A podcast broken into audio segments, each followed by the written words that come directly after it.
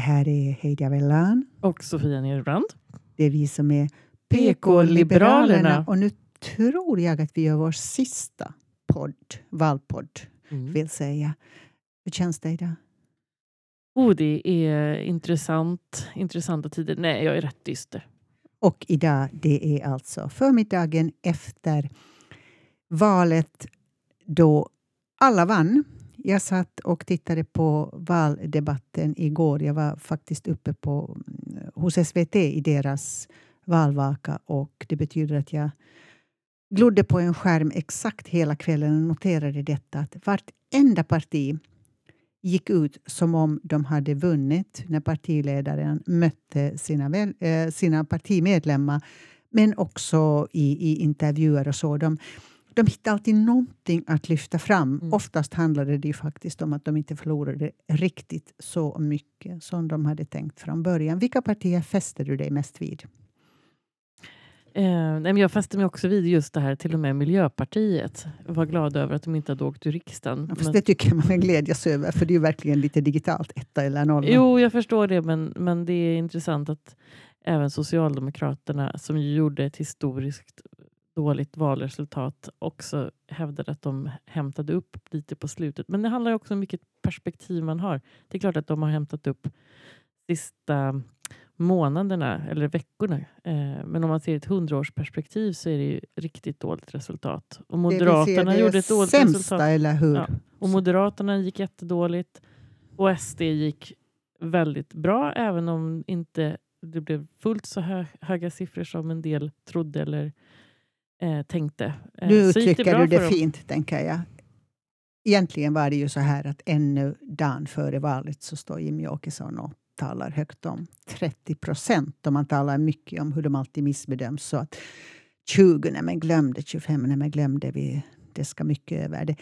Så jag får ju säga att det fanns ju liksom någonting väldigt snopet och stukat i deras firande igår kväll. Men det, ja, man kan ju vara lättad över att de inte fick 25 procent. Eh, Men 17,6 är inte lite det heller. Nej, men det är det som är min poäng. De gick ändå fram nästan 5 procentenheter någonstans där. Och Mm. både M och S har eh, jättedåliga resultat. Eh, vänstern gick fram, men inte så mycket som jag tror att de trodde heller. Eh, Centerpartiet gick bra.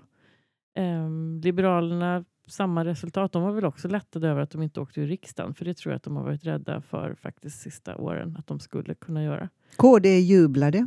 Ja, men det var ju också otroligt kaxigt. Det är klart att de hämtade upp. Det var ju många som trodde att de faktiskt skulle kunna åka i riksdagen. Även undertecknad. Jag trodde faktiskt att de riskerade det också. Eh, men Ebba Busch Thor är ju väldigt kaxig får man säga. From zero to hero kan man väl ändå säga om henne. De har levt en mandatperiod på under 4 strecket och nu landar de ändå över 6, 6,4. Det är ganska mycket. Ja, nej, men det är klart att man måste erkänna att hon har ju varit en väldigt skicklig debattör och partiledare här på slutet. För annars hade de inte fått det här resultatet. Ehm, men det stora skulle jag ändå säga är att vi har ett väldigt oklart läge. Eh, kortsiktigt vem som ska liksom, regera Sverige men också långsiktigt var S och M som är två maktpartier kommer ta vägen.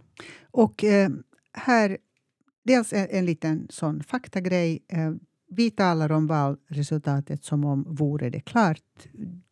Egentligen är det det inte och eftersom det är ett så otroligt jämnt läge mellan blocken så kan det ännu bli intressant. Men Valmyndigheten säger att först på fredag har vi ett klart resultat. Nu är det ju alltså måndag morgon.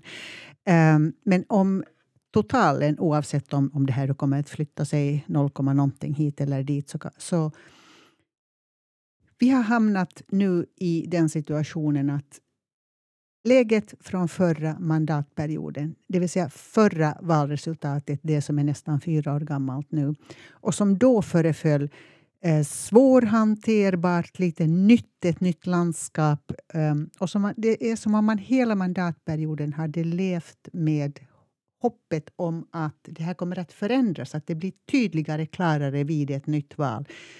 Det är dags att bara slå fast att det är så här. Det här är det nya normala med alla de här partierna i riksdagen och som världen ser ut just nu och särskilt i Sverige så landar vi i detta och behöver hantera just det här resultatet och inte drömma om att det kommer att bli på något annat sätt. Nej, du har ju helt rätt i det. Vi måste förhålla oss till resultatet och vi vet inte exakt hur det blir men som det ser ut nu så står det och väger bara på något mandat. Får vi jämviktsriksdag om man ser de två traditionella blocken. Och även om det är som du säger att vi måste förhålla oss till det här så är det en jättestor mental omställning för alla inblandade. Att socialdemokratin som har ja, prenumererat på makten har den självbilden. Hur de ska hantera detta eh, blir ju väldigt intressant. Eh, även Moderaterna har ju haft en bild, inte minst efter Reinfeldt-åren, att vara ett stort maktparti. Hur de ska hantera det här, lockelsen att börja samarbeta med SD eller inte. Eh, var ska Socialdemokraterna försöka tillbaks, ta tillbaka väljare? Är det liksom av SD och närma sig dem ytterligare eller är det gå vänsterut mm. och utmana? Liksom, så att, det här är saker vi behöver reda ut, men kan vi stanna nu i nuet i alla fall lite grann så tillvida att eh, jag sa här innan att alla vann. Det var, känslan på valnatten var att alla vann. Och det vill man väl unna naturligtvis. De har gjort ett hårt jobb, partiledarna särskilt, men alla funktionärer, alla entusiaster, gräsrötter som har slitit som bara den de senaste veckorna.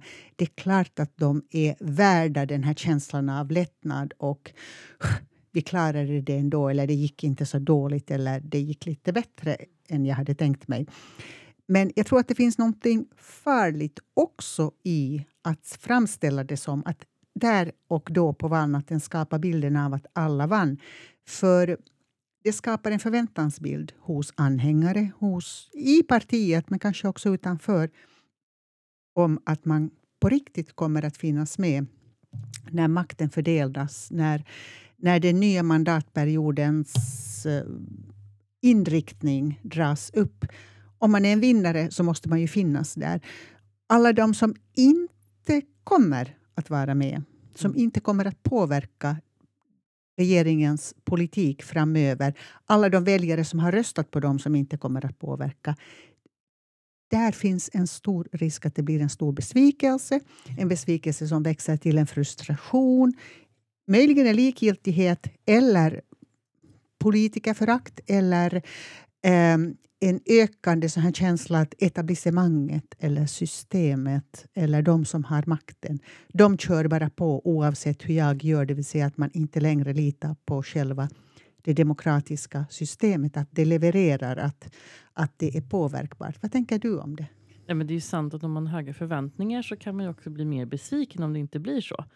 Eh, och jag tycker det är viktigt att ta upp en sak. Det är att även ifall Sverigedemokraterna otvivelaktigt är vinnare, de har gått fram, så är det inte så att de per automatik ska ha inflytande över politiken. Varför är det inte så? Därför att nu när vi har, låt säga nu när vi har haft en S-MP-regering under den här mandatperioden som precis har gått till ända, eh, så är det inte så att Moderaterna, eh, som faktiskt har varit över 20 procents parti, har haft ett inflytande över den förda politiken. Därför att det har funnits ett... Eh, liksom, det har funnits en, en rödgrön... Här, den rödgröna gruppen har varit större och kommit överens och tagit fram en budget och fått det genom, om, genom riksdagen. Um, och det är samma sak med Sverigedemokraterna. Det är inte så att man per definition får ett politiskt inflytande bara för att man går fram eller för att man har 20, 30, ens 40 procent. Är det inte så att man kan hitta ett samarbete med andra och skapa en majoritet så får man inte politiskt inflytande. Så väldigt förenklat så är det så här att man som politiskt parti samarbetar med dem som delar ens grundvärderingar, som vill ungefär samma saker, som, som ideologiskt någonstans jackar i.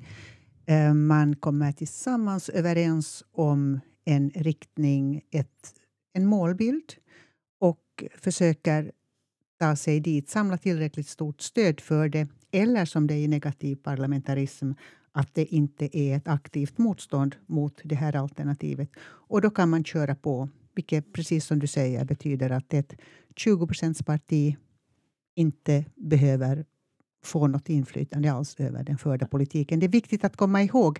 Och samtidigt så tror jag att SD-väljarna, som ju redan från början... Det har funnits ett stort missnöje, en frustration där, en protest.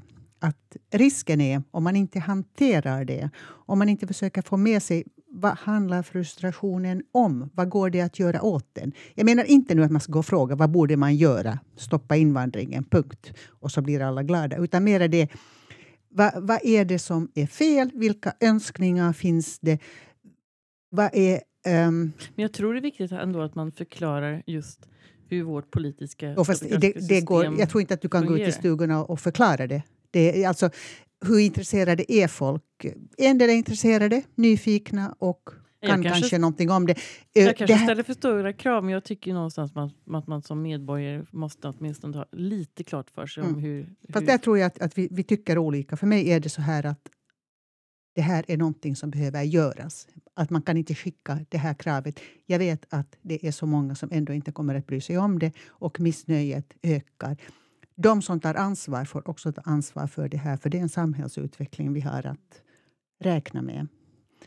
Det kommer att finnas ett missnöje, menar jag, och det missnöjet behöver hanteras. Och då kan man inte bara säga till de människor som är missnöjda, frustrerade och arga på etablissemanget att ni har fel. Utan... Eh, Men det är viktigt också att komma ihåg att det finns ju ett missnöje bland vänsterpartister som tycker att vi har fått för stora klyftor som de uttrycker det. Det finns ett missnöje bland konservativa som vill ha en annan liksom, jämställdhetspolitik. Det, finns ju ett, det är det här som på något vis präglar hela det politiska samtalet. Någon slags oförsonlig missämja. Um, så även ifall Löfven pratar om mittensamarbete och eh, för den delen Annie Lööf pratar om att S måste stödja en allians regering och komma överens så att inte SD och V ska få inflytande så undrar jag ju hur ska man i den här tiden när alla pratar väldigt mycket om missnöje och oro och hot och så vidare och man dessutom är inte särskilt överens på det personliga planet, hur man ska komma Mm. Fram Fast gammal god svensk tradition är ju faktiskt detta med konsensus. Man har kommit överens. Och demokrati är ju inte flertalsvälde.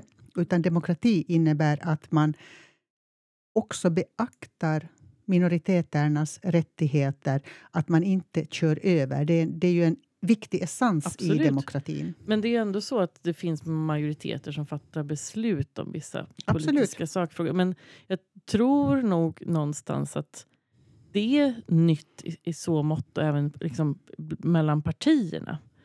Eh, att det finns en större missämja både inom alliansen men också misstänksamhet mellan socialdemokratin och ja, centerpartister och liberaler som tidigare har gjort, alltså historiskt längre tillbaks, mm. uppgörelser. Att det här är också lite nytt. Att... Fast det också kommer ju gott. Minns du, det gör du inte och det gör inte jag heller i ärlighetens namn för vi fanns inte, men Bertil Ohlin, Tage Erlander, mm. tiden. De två, jag menar, det var, om jag förstått rätt, olja och vatten. De kunde verkligen inte komma överens. Eller, eller det var det är klart, Gösta Boman, mm. Gösta Boman och Per Ahlmark var inte heller överens. Det är klart. Eller men, Fälldin och Palme. Men det, alltså, det är klart att vi är ett konsensussamhälle, men det känns inte riktigt just denna måndag som att oh, vi kommer lösa det här, det är som konsensus och vi, vi kommer kunna skaka hand. Utan, liksom, nu har... Jag tror helt kallt på det. Jag tror ja, absolut att vi kommer att, att, lösa... Jag, jag förstår optimist. inte varför Sverige skulle vara undantaget. Sverige som är ett, ett land där det mesta går bra och det inte finns stora samhälleliga konflikter. Varför inte våra etablerade partier med ja, vi får väl säga som det är, professionella politiker som har varit med i spelet hela vägen. Varför inte de skulle kunna hantera det? Att det under en valdebatt är konfrontation är, tycker jag är rimligt. Det ligger en tydlighet i det. Men också det att man är duktig på att komma överens. Oh, jag mötte äh, Maud Olofsson på mm. väg ut ur tv-huset igår när jag kom in och, och så sa vi hej. Och då hade jag precis hört henne på radion och då upprepade hon det hon sa. Jag frågade bara hur det är. Och hon säger men man kommer att, att hantera det. Svenska politiker är duktiga på precis det här, att komma överens när man är oeniga. Och nu vet vi ju att Hon, hon var ju den som i Alliansen fick rätt Mm, mycket Men hon är att hända. optimist och hon är ju så här, den som har roligast vinner och det är roligare att säga ja. Allt så här. Men men jag vill bara tydliggöra att jag hoppas ju att man kan komma överens i, i någon slags mitt eller du vet allianspartier och S, kanske MP också. Och att, att, att det är där det kommer att hända. Alltså det är vad jag vill se. Men om jag försöker göra en analys så menar jag ändå att det är ett ganska låst läge. Särskilt när Löfven säger att han regerar vidare och Annie Lööf och de andra säger nu att han måste avgå. Alltså, ja, vi får se. Mm. Och- det är ett låst läge, men det behöver det kanske vara just. Jag kan inte tänka mig att man på valnatten löser ett knivigt läge, det som har blivit det nya normala. Och en eh, rimlig tanke är ju att man blir så där som Alliansen var alldeles i början. Man är överens om det man är överens om och resten får läggas åt sidan. Men du har naturligtvis helt rätt att här handlar det om att bygga ett fungerande system. Antingen så att, att det inte finns en majoritet mot dig eller kanske rent av, vilket alltid naturligtvis kunde vara att hoppas att man har en majoritet för sitt lag, sitt bygge. Det ger en starkare utgångspunkt för att bygga politik. Och då de två maktpartierna, men hur mår de nu då? Alltså, ja, det kan ju inte vara så att vare sig M eller S mår bra internt. För det är klart att de vet ju inte riktigt vilket ben de ska stå på. Det tycker jag varit ganska tydligt under valrörelsen också. Att de har inte varit så tydliga eh, i en rad frågor. Ehm, och de har också lärts upp alla dessa partister att de är varandras motståndare. Eh, men om man ska vara uppriktig, S och M har ju ganska stora likheter i en hel del sakfrågor. Så de borde ju kunna göra upp. Eh, och det är som vi har pratat om många gånger här tidigare om att de är ju egentligen där för att lösa eh, samhällsproblem och få igenom en del reformer. Eh, men det har liksom saknats en förmåga och vilja under de senaste åren att komma överens om skatter och arbetsmarknad och bostäder och allting sånt där. Som, det måste ju hända någonting. Och det vet ju alla, men frågan är... Ja, nej, det, alltså det, det är ju det här som jag ser som den stora utmaningen. Att eh, partismen är någonstans väldigt stark. Att till syvende och sist så är det ett nollsummespel. Och jag har sett det så många gånger att även om man vet att ja, vi borde komma överens om arbetsmarknad eller segregation eller bostäder. Om det inte gynnar det egna partiet så kommer man inte att, liksom, att skaka hand. Eh, vad kommer att hända inom socialdemokratin nu, tror du? Mm. Jättebra fråga.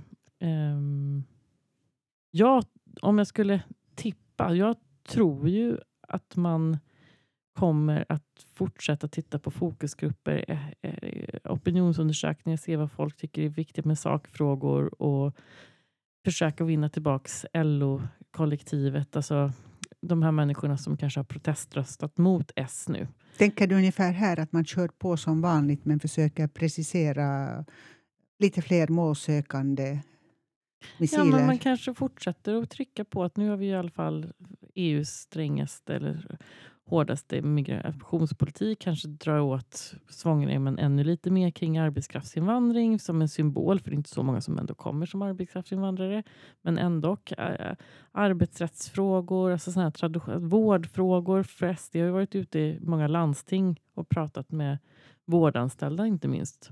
Så att vinna tillbaka de som Mm. kanske har börjat sympatisera med SD, menar du? Mm. Ja, det tror jag. Eh, Jag tror inte på en vänstersväng då. Vänsterpartiet har, det blev inte ett 10 parti, men det vä- växte ändå med mer än 2 procentenheter. 7,9 är inte så lite för Vänsterpartiet och, och det handlar väl ändå om att de har varit ett tydligt alternativ till vänster. Är inte Mm. det lockande för sossarna? Mm, kanske för en del. Det finns ju så här traditionalister som är mer vänster Eh, i en rad frågor som säkert kommer argumentera för det internt. Men även ifall det gick ju bra för Vänsterpartiet eh, för att vara Vänsterpartiet. Men den stora väljarrörelsen är ju ändå från S till SD. Eh, och det är ju,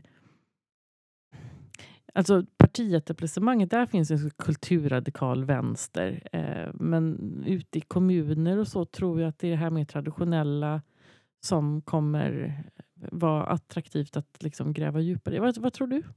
Jag har, jag har jättesvårt att att se vad som kommer att hända. Jag har, framförallt har jag svårt att se den här vänstersvängen. Och det har jag helt enkelt för att min bild av svensk socialdemokrati alltid har varit det här att man försöker hålla rent mot vänster, att man är, är noga med det. Inte samregerar, inte släpper in kommunisterna i regeringen, det vill säga inte heller idag skulle tänka sig att samarbeta med Vänsterpartiet, även om kod har lämnats för länge sedan. Um, och att det kanske är just frestande att vara lite pragmatisk, ganska konservativ, som jag menar att arbetarpartier lätt blir. De, mm. de har en sån grundkonservatism. Um, det här gubb, gubbakepsen sitter hårt på skallen. Och, um, jag tror att, att det, det som lät som ditt stalltips just nu uh, är faktiskt bekant för mig också.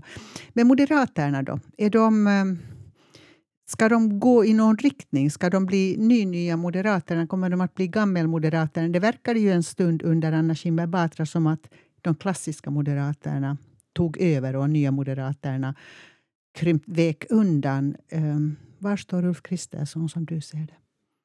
Mm, han är nog en ganska så här, pragmatisk, schysst person som menar allvar eh, med att han vill ha en alliansregering. Han vill inte köra det själv som statsminister bara för en M-regering eller med KD och med stöd av SD och sådär. Eh, men sen finns det ju en stark eh, högljudd eh, grupp inom Moderaterna som gärna drar till höger som jublade att det gick så bra för Ebba och man kan tänka sig att eh, ta makten med en så kallad icke-socialistisk majoritet. Det är väldigt lockande. Eh, som är mer konservativa helt enkelt. Alltså menar du nu M plus KD plus SD?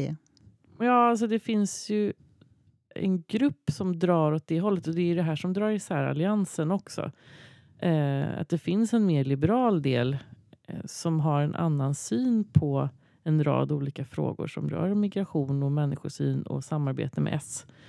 Eh, det är C och L och sen så har många vanliga moderatväljare som också har uppgivit att de gärna skulle se SD i en regering och har inte så stort problem med det och som är mer konservativa helt enkelt. Och det eh, ska bli intressant att se.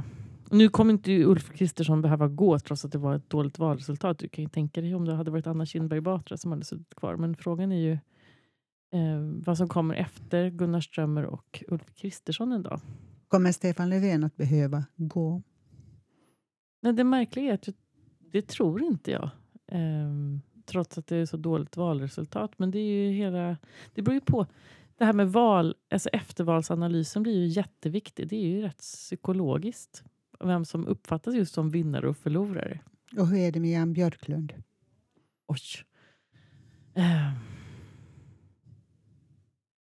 Um, nej, jag tror att han kommer fortsätta. Han verkar älska sitt uppdrag och var taggad i sin eh, mm. skjorta. Fast han lyckades ju inte höja resultatet. Jag är då mest fokuserad på skjortan fortfarande. eh, och vet att du fortfarande tycker att det här är nonsens. Men nu kommer då denna skjorta, i alla fall en av dem, jag tror att han har, har flera, att auktioneras ut. Eller det vill säga, den, auktion, den ligger redan för, för budgivning. Det kanske klubbslaget har fallit. och där handlar det om många, många tusen kronor. som Det senaste jag hörde låg det på över 30 000. Mm. Och de pengarna ska gå till Expo som ju sysslar med eh, jobbar mot rasism i vårt samhälle, det vill säga till välgörande ändamål.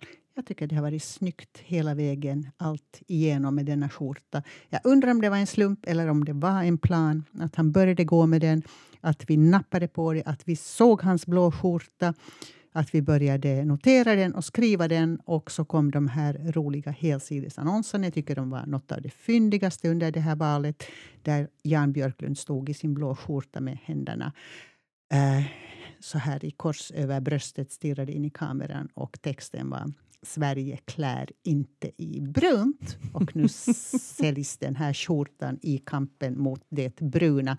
Jag tycker det var snyggt. En guldstjärna till, det får jag ge, eller hur? Absolut. Toppen.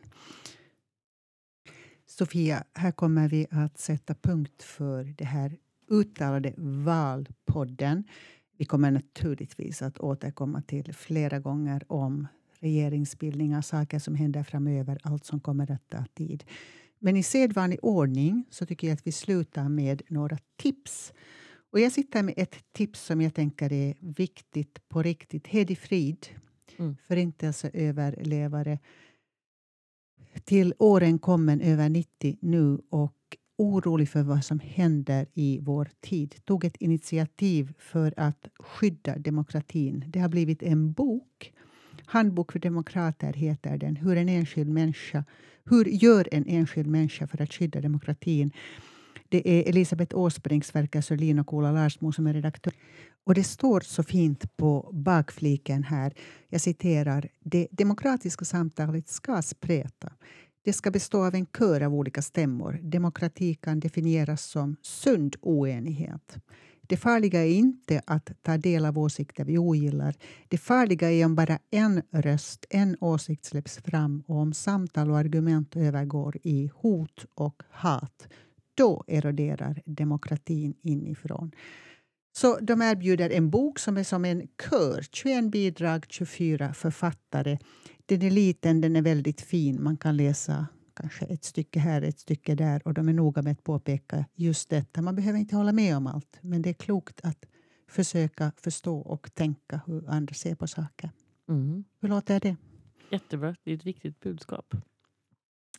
Um, mitt tips um, får bli lite mer lättsamt, för även om politik är otroligt just viktigt uh, och vi lever i med en viss otydlighet och ovisshet och missmod just nu eh, så vill jag ju påminna om att naturen är nästan som bäst just nu. Eh, det är skördetid och det är äppelår. Eh, politik är inte allt. Jag uppmanar alla att gå till ett torg och köpa fantastiska äpplen och gå hem och göra en tarte och njuta. Läsa en god bok. Umgås. Mm.